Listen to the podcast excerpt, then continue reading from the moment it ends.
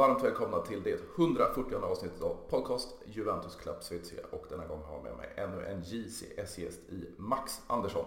Välkommen! Tack så mycket för att jag får vara här. Hur eh, är läget dagen efter en, en vinst i derbyt i Italien? Det är bättre än på, på mycket länge får man väl konstatera. Eh, när jag lämnade dottern i morse så eh, kom jag över lite julmusik av en slump och då sjöng de ju It's the most wonderful time of the mm. year och det, det var väldigt passande idag. Ja, minst sagt och, och, och, eh, vi har ju inte haft en, en lysande säsongsinledning direkt så, så nu börjar det ljusna Nej. lite. Och det var ju länge sedan vi slog ett, en, en annan toppklubb. Ja, precis. Det, det, vi har ju tragglat med, med bottenlagen och mellanlagen i tabellen. Men, men nu fick vi faktiskt en, en vinst mot, mot självaste Inter och det, det känns ytter, ytterligt skönt måste jag säga. Verkligen. Men jag brukar börja med, med en eh, ny gäst. Varför blev det Juventus för din del? Det var egentligen eh, ganska slumpartat. Jag eh, jag kommer inte ihåg exakt vilket år det var men det kan ha varit 95, 96 där mm. någonstans. Så eh, såg jag egentligen highlights från en match mellan eh, Milan och Juventus. Och så eh, gjorde Roberto Baggio ett mål i den matchen. Och sen eh, ja, efter den matchen så blev det en vit t-shirt och så skrev jag hans namn på mm. ryggen och sprang omkring med den. Sen eh, blev det lite, lite ångestladdat när han eh, valde att gå, gå ifrån oss därefter, mm. ganska kort inpå. Men jag stannade kvar. Ja, precis. Det, det, har man kommit in till, till den gamla dagen en gång så, så, så lämnar man inte, inte den, här, den här skutan så att säga. Nej, det är något speciellt. Det går inte att komma ifrån. Men vad, vad, kände du om vi hoppar tillbaks? Det blir ju nästan ett och ett halvt år när vi fick se en Massimiliano Allegri återvända efter två år vid, vid sidlinjen eh, från fotbollen. Alltså jag, eh, jag var ju superpositiv. Jag var ju en av dem som eh, liksom knöt näven och äntligen, nu, nu är det dags. Mm. Nu, nu kommer mitt Juventus tillbaka så att säga. Jag har alltid gillat Allegri tidigare och eh, det var väl inte fel att skiljas där och då när man gjorde det kanske. Men eh, det var många framgångsrika säsonger innan det. Ja precis, för han, han hoppade ju faktiskt på, på tåget efter tre år med, med Antonio Conte och så eh, ja, fem raka ligatitlar, cuptitlar eh, radade upp sig och så var det två Champions League-finaler. Men, men, vi alla såg väl kanske den, den femte säsongen då att det var var på väg åt något annat håll och vi behövde en, en eh, ny tränare på tränarbänken. Men, men eh, vad tycker du nu när han har kommit tillbaks? Har han levt upp till dina förväntningar? Nej, det har han ju såklart inte. Annars hade jag haft väldigt lågt ställda förväntningar. Mm. Eh, det, nej, det har han ju som sagt enkelt inte gjort. Vi har, vi har spelat dålig fotboll och eh, vi har sett liten utveckling över tid. Eh, snarare har det känts som vi har gått bakåt och blivit sämre nästan stundtals. Ja, för det känns ju lite eh. så här alltså, om vi, vi, vi tar första säsongen sedan återkomsten. Alltså vi blir totalt titellösa och då, då fixade ändå en, en Maurizio Sarri en ligatitel och vi hade en Andrea Pillo som, som fixade kuppen och eh, superkuppen. Men, men eh, Allegri gick helt titellös. Och, ja, det, det, är ju kanske inte vad man förväntar sig av, av en sån framgångsrik tränare sen, sen första sessionen så att säga. Precis, och sen man fick ju ändå, eller jag fick i alla fall lite hopp under våren ändå. Det, det började, vi började ta fler poäng. Mm. Vlahovic kom in och gjorde stor skillnad på våren. Mm. Så man, man, det var ändå ganska positiva känslor inför den här säsongen för egen del faktiskt. Men sen eh, var ju spelet eh, allt därefter. Däremot så får man ju säga att eh, de senaste veckorna så tycker jag ändå att man har sett eh, att det går i rätt riktning. Vad, vad tror du det beror på att, att eh, det, det, alltså nu blev det ju tredje, tredje raka vinsten i ligan. Vi spelade, måste jag säga, Var det inte fjärde? Jo, fjärde blir det till och med. Ja. Eh, och, och, vi spelade faktiskt riktigt bra mot, mot PSG även fast vi fick en förlust där. Så, så vad, vad tror du har förändrats de senaste veckorna? Alltså jag tror det har gjort mycket att eh, de yngre spelarna har fått eh, speltid. Och där kan man ju vara kritisk mot Allegri och säga att han inte har gjort det tidigare. Mm. Och det, där kanske det gamla ordspråket gäller att man kan inte lära en gammal hund att sitta.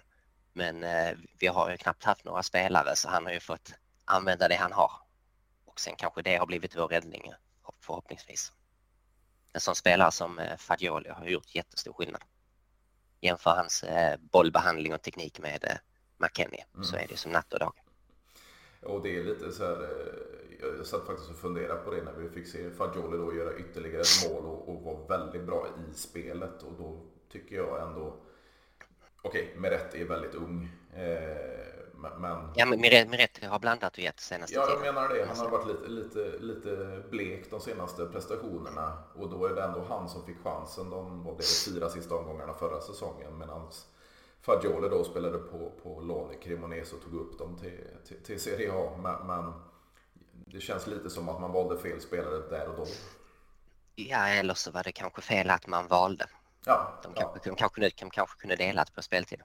Absolut, och då, då, har vi ändå lite sparkapital. Nu, nu är det väl inte lika många som pratar om, om eh, Filippo Ranocchia, men, men vi har ju en, en Rovella också som vill låna ut igen. Och, och Helt klart. Vi har ju sparkapital på, på mittfältet. Mm, verkligen. Men vad, vad, vad, tror du dessutom om det här? För nu har vi fått se en hel brasiliansk eh, mittbackslås med tre stycken dessutom. Ja, och och den har ju faktiskt överraskat eh, positivt. Mm. Jag kan ju säga att jag, man hade inte haft så höga förväntningar på den där eh, trebackslinjen när man hörde vilka spelare den skulle bestå av. Men en spelare som eh, Alexandro har ju faktiskt spelat upp sig rejält sen vi gick över till trebackslinjen tycker jag. Ja, och det är en spelare som, som får mycket skit och har fått mycket skit genom, genom åren men det är ju lätt att glömma bort också att han, han har ju varit väldigt bra en gång i tiden.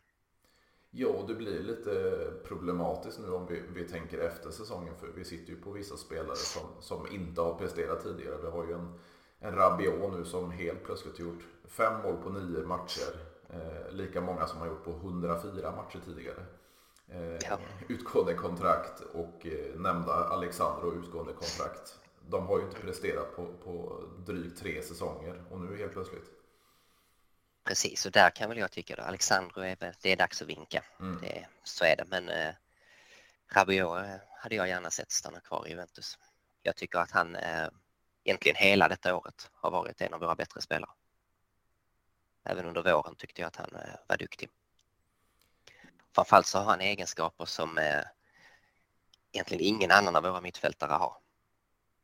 Han har en fysisk närvaro mm. eh, och vi behöver den. Sen går det väl eh, alltid att argumentera för att vi eh, kan eh, köpa in en ännu bättre spelare men då känns det som det är andra positioner som vi behöver förstärka istället, tycker jag. Så om han om man kan komma överens med Rabiot om en okej okay lön och förlängning så tycker jag att det är smart. Han är trots allt bara 27 år gammal också. Ja, och så, som du lite hintade om det. Det finns ju ganska många andra hål att, att fylla i truppen rent positionsmässigt och då, då kanske det inte är mittfältet vi behöver just nu i och med att Fagioli och, och Meretto kommit fram nu då. Vi har en eh, Pogba som ja, återstår att se vad han kommer tillbaks till i, i, i, januari, vilken form och så vidare. Men det kanske inte är mittfältspositionen som, som vi, vi behöver eh, sätta till något på marknaden just nu. Nej, Nej, det en annan klurig fundering det är just det här nu. Nu spelar vi 3-5-2. Mm. Och vi har ju, vår startelva passar ju väldigt bra för 3-5-2. Men vår trupp är ju inte alls byggd för 3-5-2. Vi har ju noll täckning på kanterna egentligen. Alltså det är ju Kostic och det är Quadrado men vem slänger vi in annars? Är det, det Chigli eller Alexandru på kanterna liksom? Eller något? Det, Ja, och där, dessutom så är det ju om vi går tillbaks till, till om vi tar till exempel Contes säsonger när vi hade 3-5-2 större delen av, av, tiden. Då var det ju en, en Lichsteiner till exempel på, på högerflanken och sen hade vi in en erfaren Patrice Bra på, på vänsterflanken och då hade vi några som sprang lika mycket offensivt som defensivt och det kan man ju inte säga om eh, framförallt Quadrado men även eh, Kostic. Han, han är ju inte en defensiv lagd spelare utan snarare tvärtom. Så, så ska man ha uppbackning bak till, till, till backlinjen också så behöver man ju lite andra spelare på, på flankerna. Annars kan vi väl tycka att det är kanske den eh, formationen egentligen där vi behöver göra minst förändringar i truppen för att mm. bli mer slagkraftiga.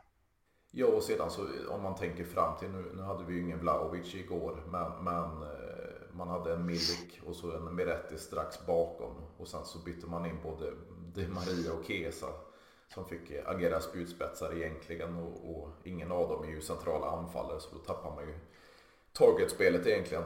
Eh... Precis, och jag tänker att skulle man fortsätta med 3-5-2 till exempel mm. så tänker jag att eh, Chiesa kan spela bakom Vlahovic. Mm, absolut. Vilket Di Maria såklart också kan, men han är, han är svår att räkna med. Finns det som på grund av åldern och motivation efter VM och vad det bär av. Ja, det känns ju ganska mycket, alltså nu gick han ju ut och dementerade själv, men, det har ju varit extremt mycket eh, flyttrykten att han, han kan lämna redan eh, i januari efter VM då, men, men även fast han dementerade så det känns ju inte som det blir någon mer säsong i, i, i Turin för argentinaren.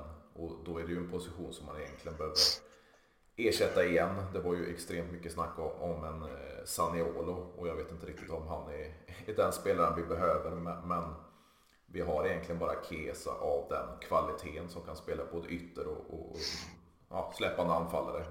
Precis. Kostic är ju mycket mer en, en yttermittfältare i min värld. Och det är ju där som jag känner, det är där klubben måste bestämma sig. Alltså vilken formation ska man bygga för? Mm. För det som du säger, ska vi, ska vi bygga för ett 4-3-3, då behöver vi den typen av yttrar. Men ska vi inte göra det så då behöver vi en helt annan typ av yttrar. Ja, och det var det här, eh, jag kommer ihåg sista avsnitten förra säsongen och inför denna säsongen så det var det enda jag tjatade om i, i, i varje poddavsnitt att man måste pinpointa en, en formation, en startelva och sen värva in spelare efter hur man nu ska spela. Och det kändes ju som att det var ett 4-3-3 som, som Allegri ville köra på men det har han ju knappt använt. Mycket på grund av skadorna men, men eh, ja, en, en Di Maria på ett ettårskontrakt då, då då får man ju satsa på, på en ytter kommande sommar. Ja, helt klart. Men vad tycker du om, om eh, Kostic? Jag tyckte ju han var, var briljant i, igår måste jag säga mot, mot Inter. Ja, alltså andra halvlek var ju... Ja, det var hans bästa halvlek. Tyckte jag. I vår tröja. Han eh, var ju strålande som sagt. Två assist, skott i stolpen och jättebra han bidrar ju med mycket även om han är han kan ju stundtals bli li, lite enformig. Mm. Man, man vet ju vad som ska hända. Det är ju, det är ju tidiga inlägg oftast. Och där är som sagt, det är, ändå, det är en ny position för honom där han spelar nu. Så jag tror att det finns mer att hämta. Ja, definitivt. För, för han har växt något otroligt för mig. För det som du var inne på, att det blev för enformigt var det jag tjatade om i början. Att det, han skulle bara nöta, nöta, nöta, nöta inlägg. Det spelar ingen roll om det stod två, tre spelare framför honom. Han skulle bara fortsätta nöta, nöta, nöta. Och då blev det kanske en av tre bollar som, som gick in i straffområdet. Men, men han utvecklar sig mer och mer nu under de här matcherna och det känns ju som att han börjar komma in i Juventus spel. Det, är inte, han spelar ju ganska, det var väl tre, fyra år i Antrak Frankfurt tror jag. Så, så han börjar mer och mer komma in i våran taktik. Ja, men det gör han och vi behöver ju spela lite annorlunda för att låsa upp honom. Mm. Så att säga i Frankfurt så var de ju två på kanten så där blev det ju överlappningar och det hela tiden. Här måste han ju samspela med eh, inom mittfältet istället kanske, eller anfallare mm. snarare. Och det är ju lite skillnad. Och hur känner du kring, för, för jag läste ganska mycket kritik på, på både Twitter och på, på lite överallt om, om Manuel och Locatelli igår, men jag tyckte faktiskt att han var riktigt bra. Ja, han, han var okej okay, tyckte jag. Han eh, gjorde väl varken bort sig eller fysiskt var han ju bra. Det är väl att han slarvar lite i passningsspelet. Jo, det är ju det, men, men folk, det folk jag har märkt klaga på det är att han är långsam. Men, men eh, ser man på, på en, nu ska jag inte alls jämföra med Andrea Pirlo, men, men det var ju verkligen inte en snabb spelare. Eh, Nej, alltså Locatelli, han är väl ganska average, tänker jag i snabbhet. Ja, precis. Och, och, och, det känns ju som att man håller, håller i bollen väldigt tätt och, och får till de här det är lite det där kroppsfintsspelet och, och lura bort sina spelare. Sen, som sagt, han har varit väldigt upp och ner sen han kom till Juventus. Men, men i min värld så är det att han har spelat på lite fel positioner och fått ta lite mycket defensivt eh, arbete eller ansvar. Helt klart. Tar man matchen mot, mot PSG till exempel tyckte jag han, nog att han var vår bästa spelare kanske till och med. Mm, absolut. Och, och, vad tror du då om vi får tillbaka alltså, om vi har in en, eh, om vi leker med tanken då att det blir ett, ett 3-5-2 eller om det blir ett 4-3-3 när vi har tre innermittfältare. Vi får tillbaka en, en Pogba i januari. Eh, vad tror du blir det? Pogba, eh, Fagioli och Locatelli eller vilka tror du kommer starta? Ja, den, den är lurig. Eh, på ett sätt så det känns nästan som att eh, Rabiot är given i Allegris eh, bok. Och frågan är ju statusen på Pogba också. Mm. Eh, så frågan är om det inte blir eh, de två och sen eh, vem den eh, tredje blir. Och där kanske det blir Locatelli som går kampen mot Fagioli kanske. Ja, och det känns ju ganska problematiskt. Nu, nu är det ju ganska mycket flyttrykten, framförallt kring, kring McKennie och så vidare. Men, men vi kan ju ha ganska tjockt på ett, på ett eh, centralt mittfält. Och vi, det, det talas ju även om att Chelsea vill bryta lånet av, av Zakaria. Då. Eh, ja, sen Paredes glömde jag bort. Han finns också. Ja, absolut. Det, nej, det är många, många spelare som håller ganska jämn nivå. Ja, för det har varit lite nämnda Paredes. Alltså, vissa matcher tycker jag han varit riktigt bra och vissa matcher så försvinner han helt och hållet. Ja. Ja, där är ju frågan om, eh, om en sån spelare kanske kan låsas upp mer med eh, lite mer fysik kring sig. Mm. Om Pogba kommer in till exempel. Som har andra fysiska kvaliteter än Locatelli till exempel. Ja, och det, det, kan ju bli lite av ett lyxproblem. Jag, jag, fick den lite känslan av alltså när vi byter in, när, när vi ändå, okej, okay, första halvlek igår, den, den, den, den var för jävlig. Men, men, när vi tänder till andra halvlek, vi får in målet och man byter in både Kesa och De Maria, då, då känns det ju som man har lite lyxproblem helt plötsligt. När vi haft extremt mycket 11-12 skadade spelare så, så kan man byta in den här kvaliteten och de kommer i form och de kommer in i det. Eh, alla mittfältare som vi, som vi precis pratade om. Det, det känns som vi har gått ifrån en extremt skadedrabbad trupp till att möjligtvis kunna ha en hel lite lyxigare eh, trupp ledig till, eller tillgänglig till, eh, till januari. Precis, och sen det var ju ganska tydligt igår, alltså Allegris gameplan. Det var ju att spela 0-0 första halvlek. Mm, absolut. Det, det, var ju Di Maria och Chiesa som skulle låsa upp det. Och vi hade ju lite flyt att det funkat den här gången. De missar ju ändå öppet mål i Inter.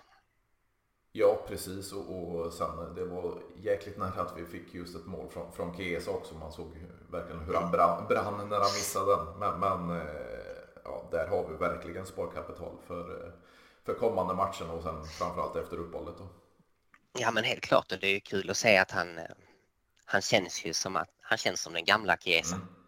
Alltså det att ta igen men det, det känns liksom som att han har samma hunger och samma mod. Ja, och det som jag har varit orolig över och det, det är ju de flesta korsbandsskadorna om det varit en, en, en eh, explosiv eh, spelarstil eller, man ska, eller spelstil så, så uh, känns det som man kan tappa mycket i den, den, den spelstilen. Men, men det man har sett av Kesa ja. nu, det, det känns inte som man har tappat någonting. Nej, så är det ju som eh, Saniolo som du pratade mm. om innan till exempel är en helt annan typ av spelare när han kom tillbaka. Sen har ju han tillbaka två gånger. Så det, ja, precis. Det kanske är skillnaden. Och det är ju lite oron också kring, kring fortfarande kring Kesa. Alltså har man väl åkt på en korsbandsskada så, så är det lätt att man, man trillar dit på andra sorts skador, muskulära skador och även en, en, en ny korsbandsskada. Så, så man är ju inte helt säker än. Nej, för, för hans del är det nog optimalt med ett VM där Italien mm. inte spelar. Nu. Och liksom få, han har kommit igång lite grann och sen får han ta det lite lugnare.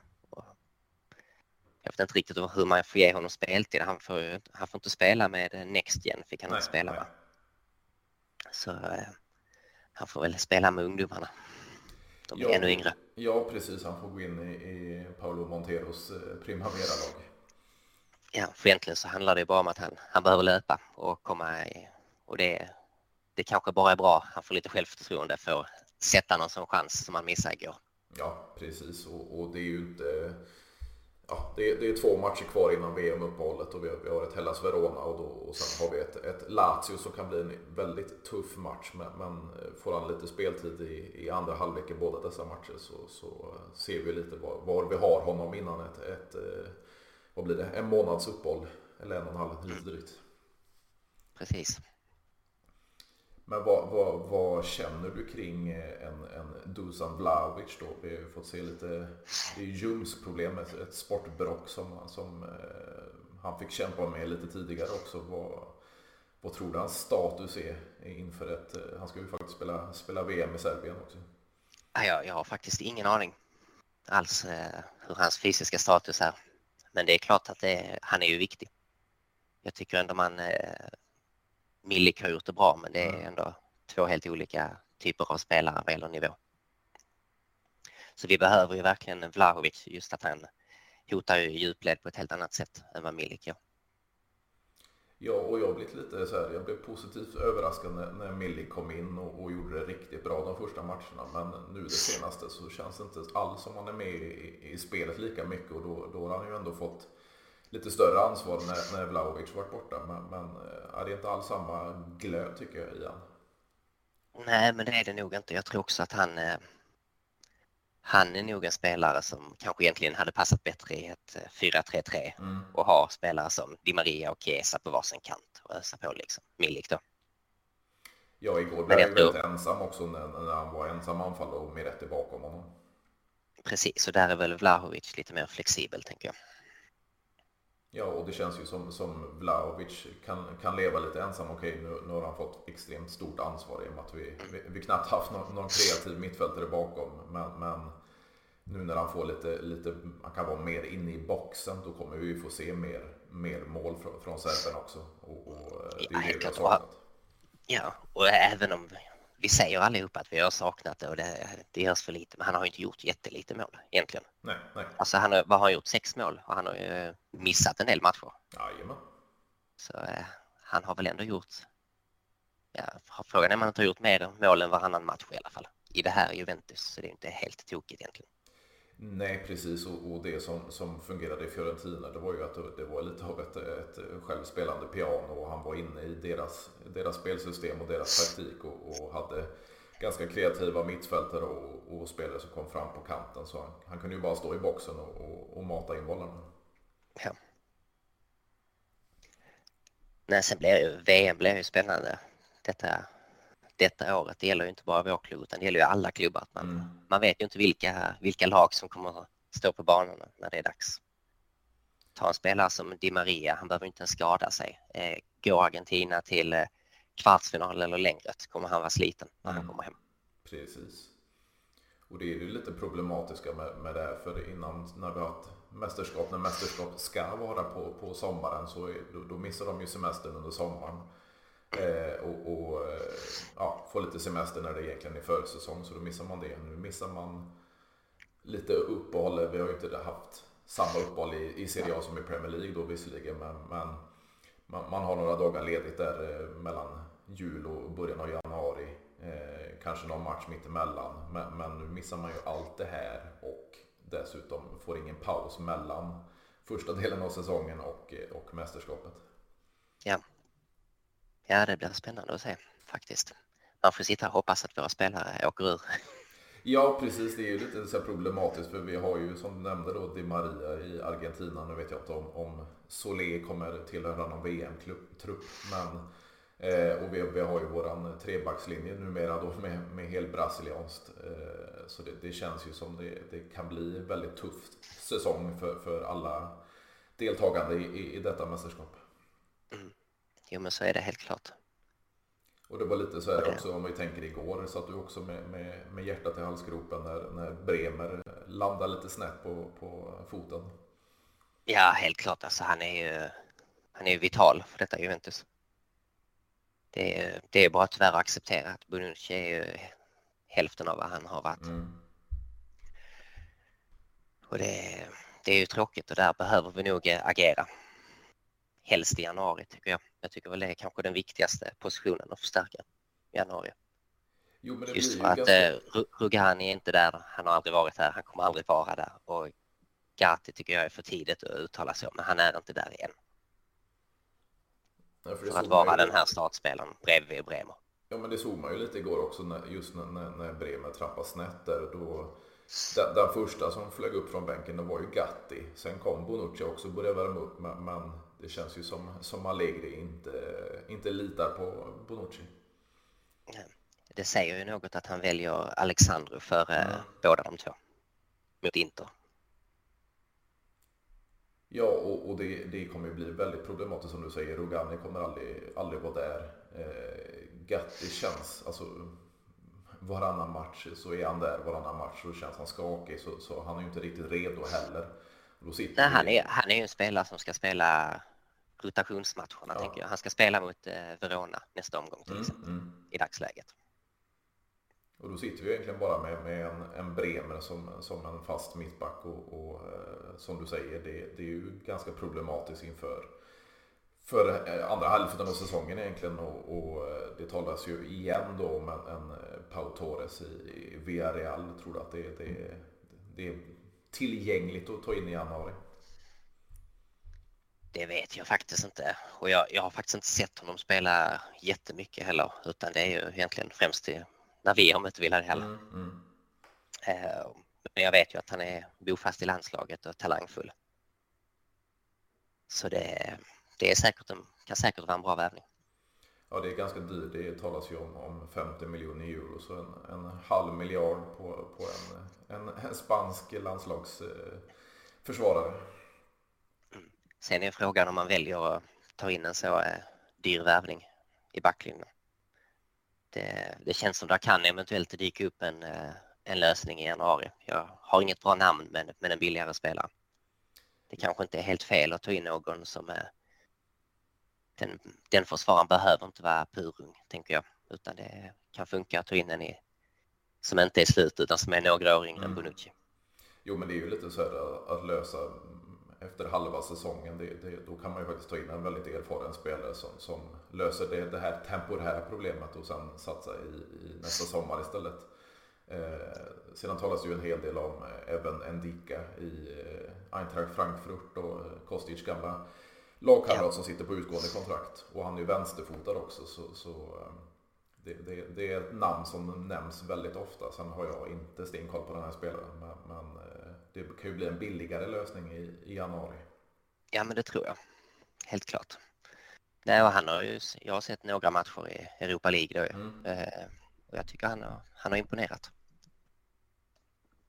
Det känns ju som det kommer hända. Det, det var ju, kommer ihåg Beppe Marottas eh, ord inför varje januari vinterfönster när han var i våran klubb att det, det, det är, vi, vi, kollar på möjligheter och, och, och eh, det är ju för att, att, fixa en säsong egentligen, sa han inför varje vinteruppehåll där och, och, nu känns det ju verkligen som att man, man, behöver fixa diverse hål i truppen. Ja, men så är det helt klart och de sista matcherna kommer säkert spela en roll i hur man agerar, tror mm. jag. För det, vi börjar ju närma oss uppåt i tabellen. Och eh, ska man vara skulle det varit rättvist så skulle vi faktiskt haft två poäng till mm. den här säsongen. Så, så även om vi eh, själva tycker att vi, vi har gjort en jättedålig säsong och det har sett uselt ut, men egentligen så skulle vi ha haft eh, lika många poäng som trean i tabellen. Ja, och det känns ju så här, nu, nu kan vi ju Napolis historia, det, det brukar inte hålla hela säsonger. Eh, det ser extremt bra ut, men, men eh, ja, får, få en skada som de just nu har då på, på Kvaratskhelia och så vidare. Får de bort de här nyckelspelarna så, så känns det som att eh, med sin historia och en, kanske inte en, en lika stor vinnande mentalitet i klubben så känns det ju inte som de sitter där uppe. Eh, vi, vi har ju Sarris historia med just Napoli. Nu är han i Lazio och gör, gör det riktigt bra men, men håller det ända ut. Eh, Milan. Ja, den matchen blir ju spännande här precis innan uppehållet. Ja, ja, absolut. Den kommer bli extremt viktig för oss. Lika viktig som gårdagens match. Och sen så har ja. vi ju ett, ett Milan då som jag tycker ju förra säsongen då när man, man tog ligatiteln att det var en väldigt Juve-esk eh, säsong för dem. Att de, de, eh, de tog poäng i de här skitmatcherna som de, de spelade dåligt till och med.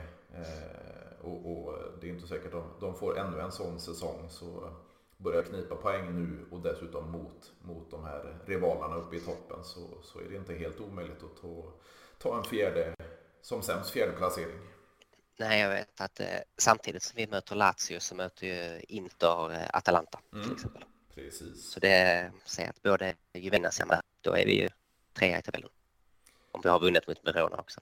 Ja, precis. Vi sitter ju faktiskt på, på 25 poäng, precis som, som Roma då. Och eh, ovanför Atalanta 27, Lazio 27, Milan 29 och Napoli 35. Så det, det, det är inga ljusår emellan eh, andra platsen och, och eh, sjätte platsen egentligen.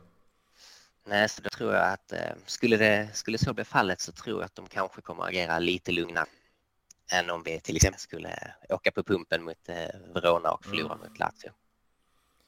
Ja, och det känns ju ändå som, som att vi är ganska, ska man kalla det, stabila i, i ledningen ändå. Alltså vi, jag tycker vi gjorde en ganska bra, eller väldigt bra marknad och, och det kommer ju bli ännu mer eh, att göra nästa sommar. Alltså, som jag nämnde, Alexandro Rabiot. Vi har även en Quadrado då på, på utgående kontrakt. Och vi, vi släppte ju faktiskt både Chiellini, Dybala och eh, Bernadeschi förra sommaren. Eh, blev av med, med en Ramsey och så vidare. Så, så det är ju ett generationsskifte. Det är, det är ett, ett gammalt nytänk med, med det här att inte sätta för höga löner och så vidare. Och, och låta de här ynglingarna, och talangerna eh, utvecklas och så vidare och bygga ett nytt lag. Men, men, men, som du säger, vi har ju ganska många hål i truppen fortfarande och det kan ju behövas fyllas på beroende på hur det ser ut redan i, i vinter.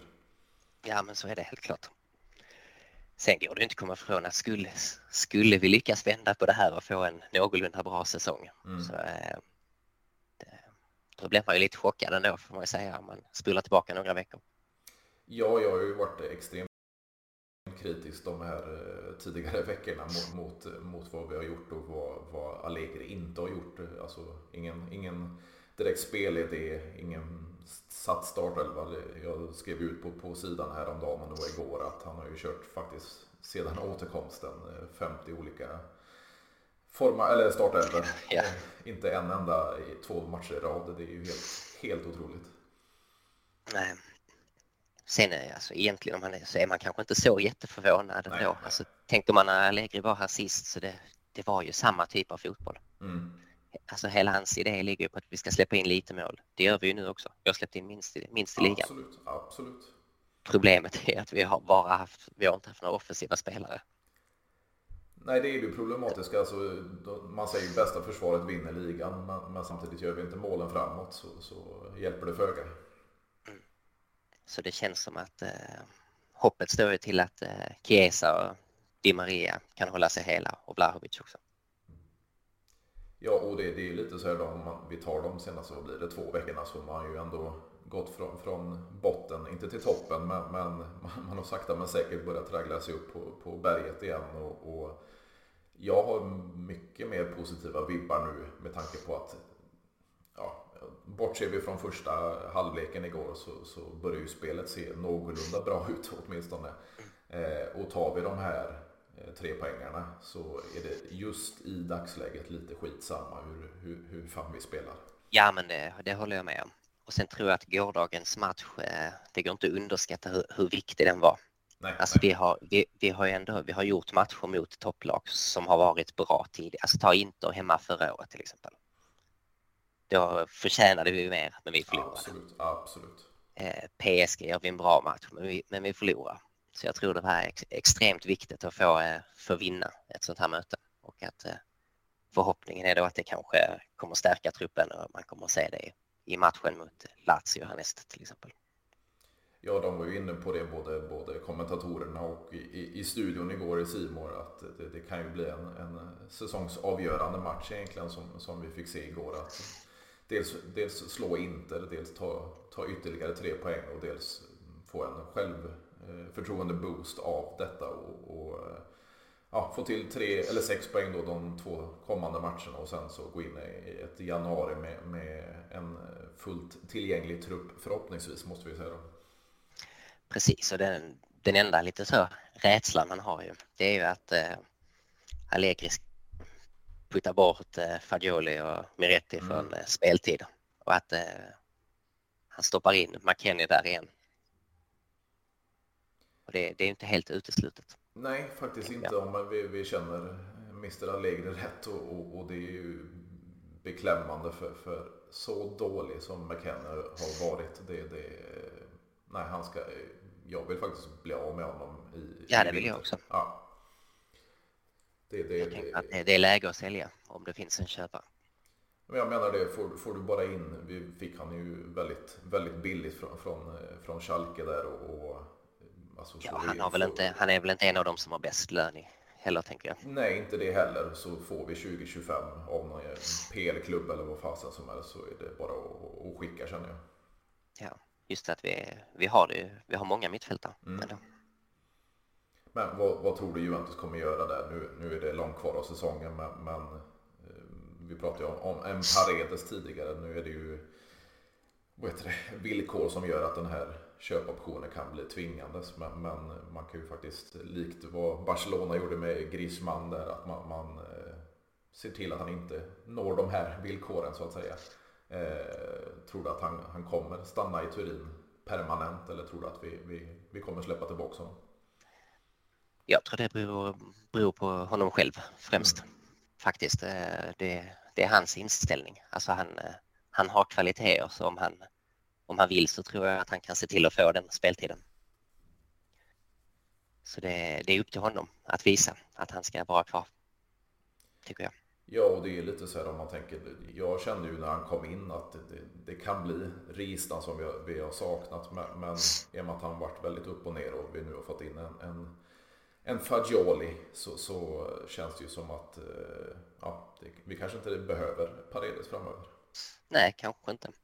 Och jag tror också att han, eh, för hans egen del så tror jag att det, det är kanske så att det lyckas här i, i Juventus. Annars är det kanske nästa klubben trappa ner hierarkiskt för honom, tänker jag. Ja, precis. Det, det, alltså han, jag, sa, jag tror jag sa det i förra avsnittet att han är ju faktiskt ingen stabil startspelare i, i PSG, eller var i PSG, utan han var lite ut och in i, i startelvan Eh, och argentinska landslaget, det är ju klart att han, han har en plats i truppen men, jag tror inte han är, är självskriven i den truppen heller så, så varför skulle han gå rakt in hos oss? Nej, Nej jag håller med. Och jag tänkte prata lite också om, om eh, nu, nu är det ingen idé att, att eh, fråga dig vilket lag du vill ha i Europa League i och med att lottningen äger rum om, om en timme och 20 minuter ungefär. Men, men vad, vad, tycker du om turneringen överlag? Ska vi, ska vi satsa på Europa League eller ska vi lite, lite vaska den turneringen? Alltså jag tycker vi ska satsa stenhårt. Ja, vi behöver vinna. Vi, det hade varit en annan sak om vi åkte ut eh, senaste Allegri var här och hamnade i Europa League. Mm. Men i den eh, situationen klubben befinner sig just nu så vi behöver eh, vi behöver föda nya vinnarskallar och det gör man bara genom att vinna. Ja, precis och, och det känns ju som att eh, Alltså, vi visste ju att vi skulle åka ur Champions League för vi, vi har varit fruktansvärt dåliga i den turneringen. Men, men ska vi få igen pengarna som vi förlorade via att vi inte gick vidare till, till slutspelet, då måste man ju mer eller mindre vinna Europa League. Eh, och det känns ju inte som vi har truppen i dagsläget att, att eh, kunna göra det. Nej, det tror inte jag heller. Däremot så för egen del tycker jag det handlar mest om eh, hedern snarare. Mm. Att nu har vi liksom eh, skämt ut oss i Europa tillräckligt tycker jag. Nu har vi, vi har gått ner en trappa. Nu, nu, får vi, nu får vi visa att vi är Juventus. Även om det är en trappa ner. Ja, för det känns ju ändå som, jag kommer inte ihåg, var det, var det Chelsea som vann Champions League och Europa League med säsong efter varandra? Ja, men det, ja, det var det nog. Det kan stämma. Det. Så, så jag menar så är det, vi, okay, vi, vi har inte tagit Champions League sedan, sedan eh, 96. Men, men eh, kan vi då gå för en, en Europa League-titel så, så har vi den inkasserad så kan vi framöver försöka ta den där jäkla CL-titeln istället. Precis, så där tror jag att även om vi inte skulle vinna den så skulle vi ta oss till en semifinal så skulle det ge mycket erfarenhetspoäng till vår trupp. Ja, och det kan bli ganska roliga möten. Nu, har vi ju möjligt. Som sagt, jag ska inte gå in på, på vad, vi, vad vi kan få för lag. Men, men eh, vi kan ju få roliga möten, Manchester United bland annat, eh, redan i, i åttondelsfinalen. Så, så det här känns ju som ett... Hur är det? Åt, åttondelsfinalen är bara, bara de som har ryckt ut? Eller alla lag är inte med i åttondelsfinalen va? Eh, oj, nu satte du mig på poddkanten. Ja, jag har för mig jag hörde någon vän säga något om att eh, Arsenal spelar inte det steget till exempel. Okej, okay, ja, men då kanske det är om det är några Utan de, är nog i kraften redan. Ja, ja, precis, precis. Nej, för det, det, kan ju bli en väldigt eh, spännande turnering denna gång för det är ganska många storlag som, som åkte ur CL och in i Europa League. Ja, helt klart. Så det känns, det känns ganska spännande ändå, även fast man, man inte tillhör den. Det är lite som man varit inne på, på före detta storklubbar när de har fått eh, gå in i Europa League efter många år från, från CL. Det är ju inte den turneringen man vill se de här klubbarna i, men, men när man väl är där så är det väl lika bra att, att, att köra vägen ut så att säga. Ja, jag tänker det och hoppas fortfarande att eh, när eh, vi närmar oss eh, slutet på säsongen och våren så ska vi inte stå där och behöva välja för att rädda en Champions League-plats utan att vi har lyft. Nej, för det känns ju ganska så här, eh, vi har ju varit ganska positiva under den här inspelningen eh, för, för de senaste två veckorna och jag var ju lite nere i botten med mina åsikter om vi bara går tillbaka tre veckor kanske eh, med tanke på hur det såg ut i, i ligan och så vidare. Men, men fortsätter vi på denna väg och går in med, med en ja, full trupp i, i, januari så känns det inte alls som en, en fjärde placering i, i tabellen är omöjlig. Nej, det tycker inte jag heller. Man ser också hur stor skillnad små förändringar kan göra. Då en spelare som Fagioli när han kom in. Jag för mig jag läste någonstans hans eh, passningsstatistik mot PSG till exempel. Mm. Han slog, vad var det, 97 procent till rätt adress. Och eh, ja, det bidrar, det ger ett sånt lugn och en trygghet att ha en sån spelare på plan. Ja, och det, där kan man ju plussa till hans, hans ålder, alltså att vara så, så lugn och eh, passningssäker i den åldern. Det, det, det bådar ju väldigt gott för, för framtiden. Jo, men det gör det. Sen så får man väl säga, det känns som att eh, vissa talanger kommer nog eh, få det lite svårare. Typ eh, Solé till exempel, mm. känns som han kommer eh, försvinna lite i truppen. Sen har han kanske inte visat framfötterna riktigt lika mycket heller. Så det, han Nej, alltså, han, han gjorde faktiskt ett bra inhopp mot just PSG, men, men, som du säger, han har ju inte riktigt fått chansen att visa upp sig och när Nej, han har fått inte. den så, så, har han ju kanske inte riktigt gjort det eh, heller. För det känns ju som att det kommer att bli svårare att få speltid där, om alla är friska. Ja, definitivt. Och, och där fick vi ju se en annan eh, på en, på en ytterposition eh, nyligen som då tyvärr blev skadad i, i Samuel Lin Jr som, som sitter på utgående kontrakt dessutom. Vad, vad tror du om hans framtid i våran klubb? Ja, han har ju sett eh, väldigt spännande ut, det lilla man har sett. Och det, det känns väl som att man borde kunna lösa den kontraktssituationen. Han borde väl trivas, tänker jag nu när han eh, har kommit upp lite och fått lite chanser.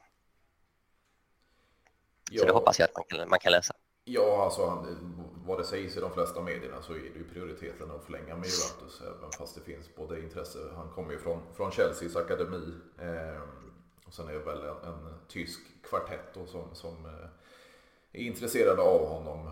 Eh, men, men, det känns ju, nu är han ändå uppväxt i, i, i Juventus de senaste åren och, och, kommit in i våran, våran sorts fotboll så, så det känns ju som att vi kan försöka låsa honom med lite speltid i seniorlaget. Då. Ja men det tror jag. Och, eh, han har, det är nog lite annorlunda spelartyp än eh, Solé till exempel så mm. jag tror att han eh, ligger kanske lite närmare till hans att agera supersub. Ja, han kom ju faktiskt tillbaks. Det var väl en, eh, var det en månad ifrån med det där, den där fula tacklingen han fick på sig. Så, så eh, när vi går ja, det är in, bara två matcher. Ja, precis. Så, så när vi går in i januari så börjar han vara, vara tillbaks igen. Och det, det, det känns ju som att det, det, det är en ung talang, men, men det han visade på, det, det båda gott för framtiden. Ja, men det gör det. Sen tänker jag också nu eh, då med Solé att Allegri har ju valt att eh, spela med rätt egentligen i hans position mm. nu senaste matcherna. Så det, det, säger väl också något om hur han eh, ser på de två olika och vem han håller högst. Definitivt och, det fick vi ju se förra, förra säsongen redan. Det var väl de fyra sista matcherna när med, Meretti fick chansen och, och, nu har ju Allegri ett gott öga mot honom och, och dessutom fått se nämnda Fagiolis eh, utveckling då så, så eh, ja, det, det, det kommer nog bli tufft för, för Solé framöver. Ja. Men vi får hoppas han krigar på. Det, det finns ju potential där. Ja, jag menar det. Jag har varit inne på det tidigare också. Att uh, han har spelat för vårt ja, tidigare U23 då och nu, numera Next Gen-lag och, och, varit med i argentinska landslagstruppen. Det känns lite, lite udda att han inte fått chansen mer i vårt seniorlag. Mm. Och han är ju en sån spelare så han skulle ju tjäna mycket på att vi, klubben skulle välja att satsa på 4-3-3 till exempel. Mm. Och det känns ju, jag tror, om det var mitt förra avsnitt då, då, då sa ju gästen det att det, det kändes som idén var egentligen när, när det Maria kom in i, i Juventus då och Solé fick ja, komma in lite mer i seniorlaget. Att han skulle lära sig av sin, sin landsman då i den positionen. Men, men eh, i och med att Maria varit borta själv med, med skador och så vidare och Soler inte riktigt får chansen så, så känns det ju som den idén har lite runnit ut i sanden. Ja men verkligen. Vi får se vad som händer efter, eh, efter VM och vilka spelare vi har. Ja precis och det, det som du varit inne på tidigare också. Det känns ju som det här som jag, jag visserligen har tjatat om också men, men de här ytterbackspositionerna. Eh, vi, har ju faktiskt en Andrea Cambiasso som vi tog in. Eh, nu fick jag se en, eh, en spelare som jag helt glömt av i, igår. Som, som, det talades mycket om Juventus, det var ju Raul Bellanova som, som bevisligen har gått till Inter. Det har jag lite glömt av när jag fick se honom igår. Ja. Och det var ju mycket Destiny Udogi i Udinese som redan är klar för, för, för Tottenham. Vi hade en Nahuel Molina i samma klubb som gick till Atletico de Madrid. Eh, så, så de här spelarna som vi, vi ställt in sikte på, de, de försvinner sakta men säkert åt andra håll. Precis, det stod väl någonstans också om att eh, Allegri funderade på att använda Iling Junior som ytterback. Mm. Så det kanske inte, jag har sett han alldeles för lite för att veta hur hans kvaliteter är där, men eh, han verkar ju ha fysiken i alla fall. Ja, det var väl snack till och med om att lite fostra honom som, som en Alfonso Davis, eh, kanadicken i, i Bayern München där, att han, han får vara ytterback men är väldigt explosiv och, går väldigt offensivt. För det, det är ju många spelare som har gått den vägen ändå. Mm. För det, det kan ju vara en, en billigare lösning att prova i alla fall. Ja, definitivt. Har man, besitter man sådana här spelare i, i U23-laget eller Nextgen då, då, då, ska man ju faktiskt börja, börja ut, utnyttja det här och utveckla de här spelarna i seniorlaget också. För det var ju det tanken med, med det här laget var från början. Ja men helt klart och det, det är ju väldigt roligt tycker jag mitt i, i allt det här negativa att eh, det är ju en satsning som har eh, burit frukt. Mm. Och där känns det som att man är på rätt spår. Det är ju som han är, eh, vad heter han, den turkiska spelaren. Ja, Kenan Yildiz. Precis, han verkar ju också väldigt eh, spännande. Ja, och det, det blev jag faktiskt väldigt glad för. för uh, han, han lämnar ju alltså Bayern München som, som bossman och Barcelona var väldigt intresserade. Men han väljer aktivt uh, att gå till Juventus och då, då känns det ju som vi fortfarande har kvar den här attraktionskraften som, som det känns lite som man har förlorat de senaste åren. Precis, och därför är ju spelare som eh, Fagioli och Miretti, det är ju väldigt viktigt att de kommer in ur den aspekten. Absolut.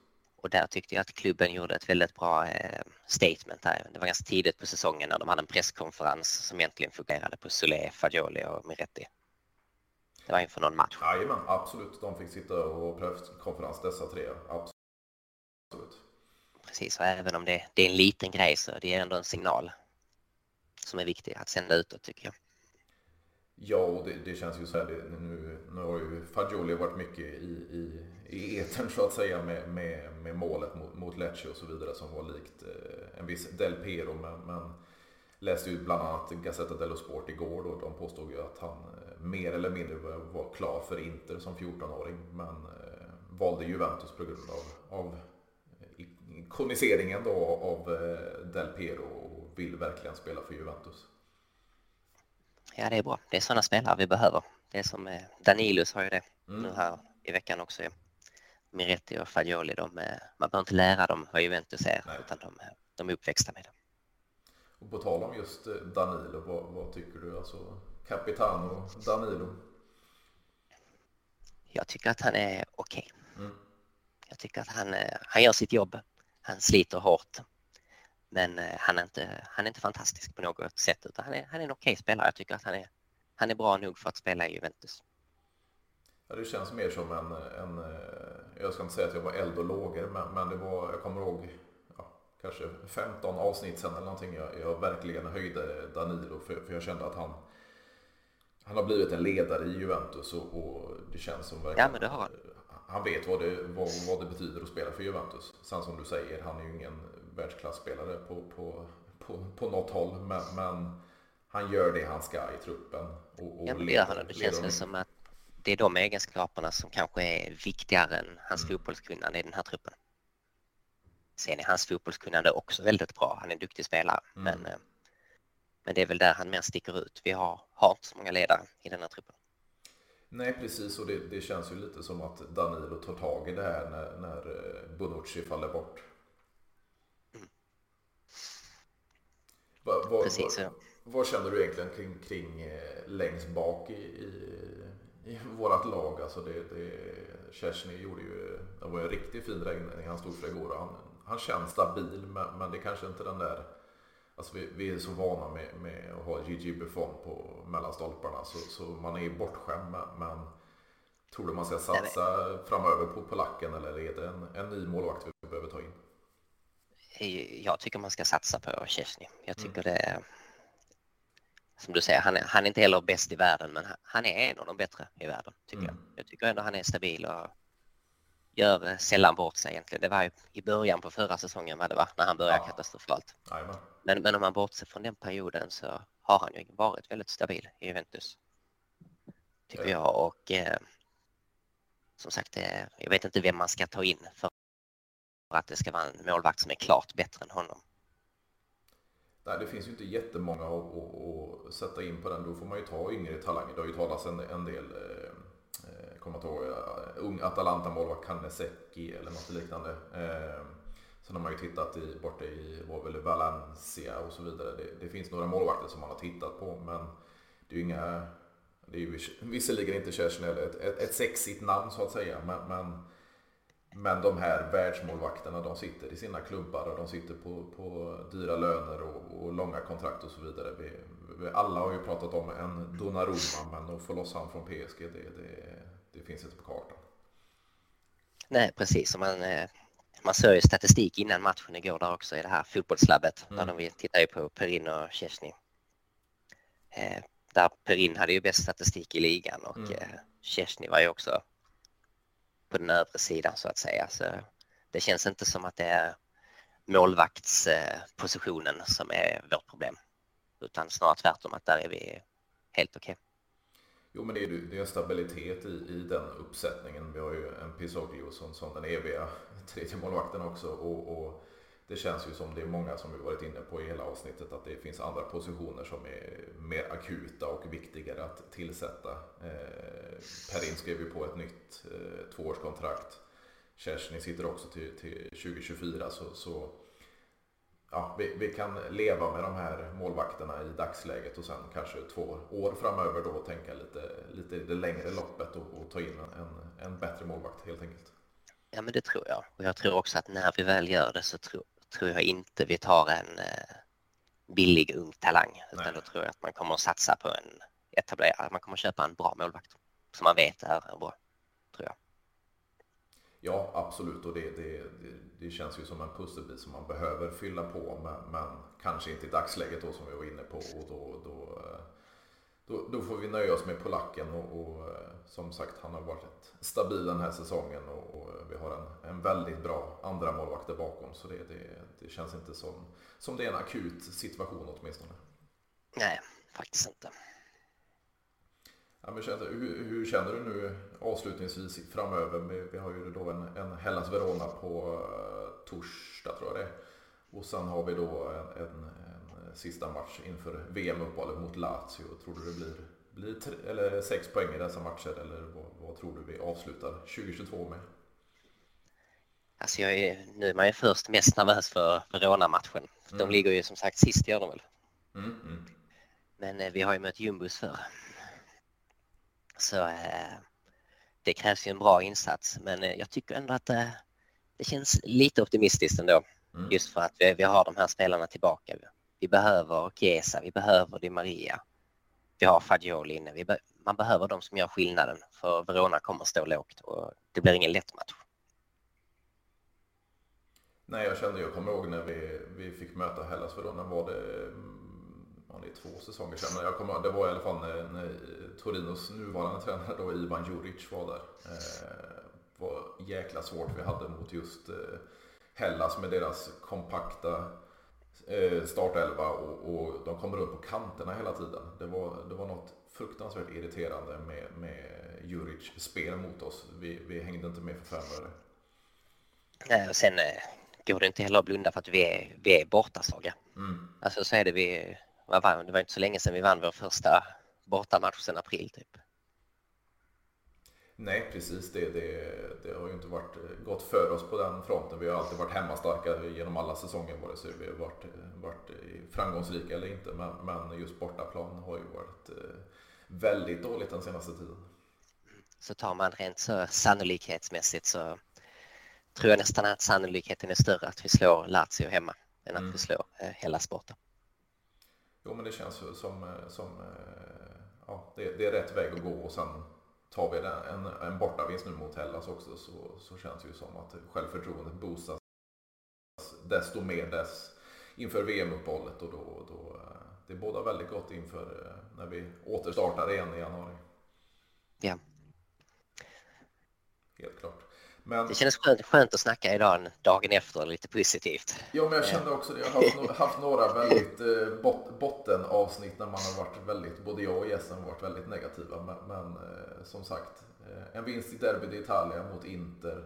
Det ger mycket energi och som sagt ger det, ger det energi till dig och mig så kan man ju tänka vad det gör med spelartruppen. Ja, definitivt. Det, det, det är en självförtroende-boost utan dess like. Så det men stort Max för att du ville vara med och köta och du, jag måste säga, podddebut, det, det märktes inte. vad kul att höra. Jajamän, så får vi väl ta ett ny- nytt snack nu när du är, är varm i kläderna när vi kommer lite längre in i, i säsongen eh, kommande år. Då. Vi kan ta det när vi firar scudetton. Ja, precis.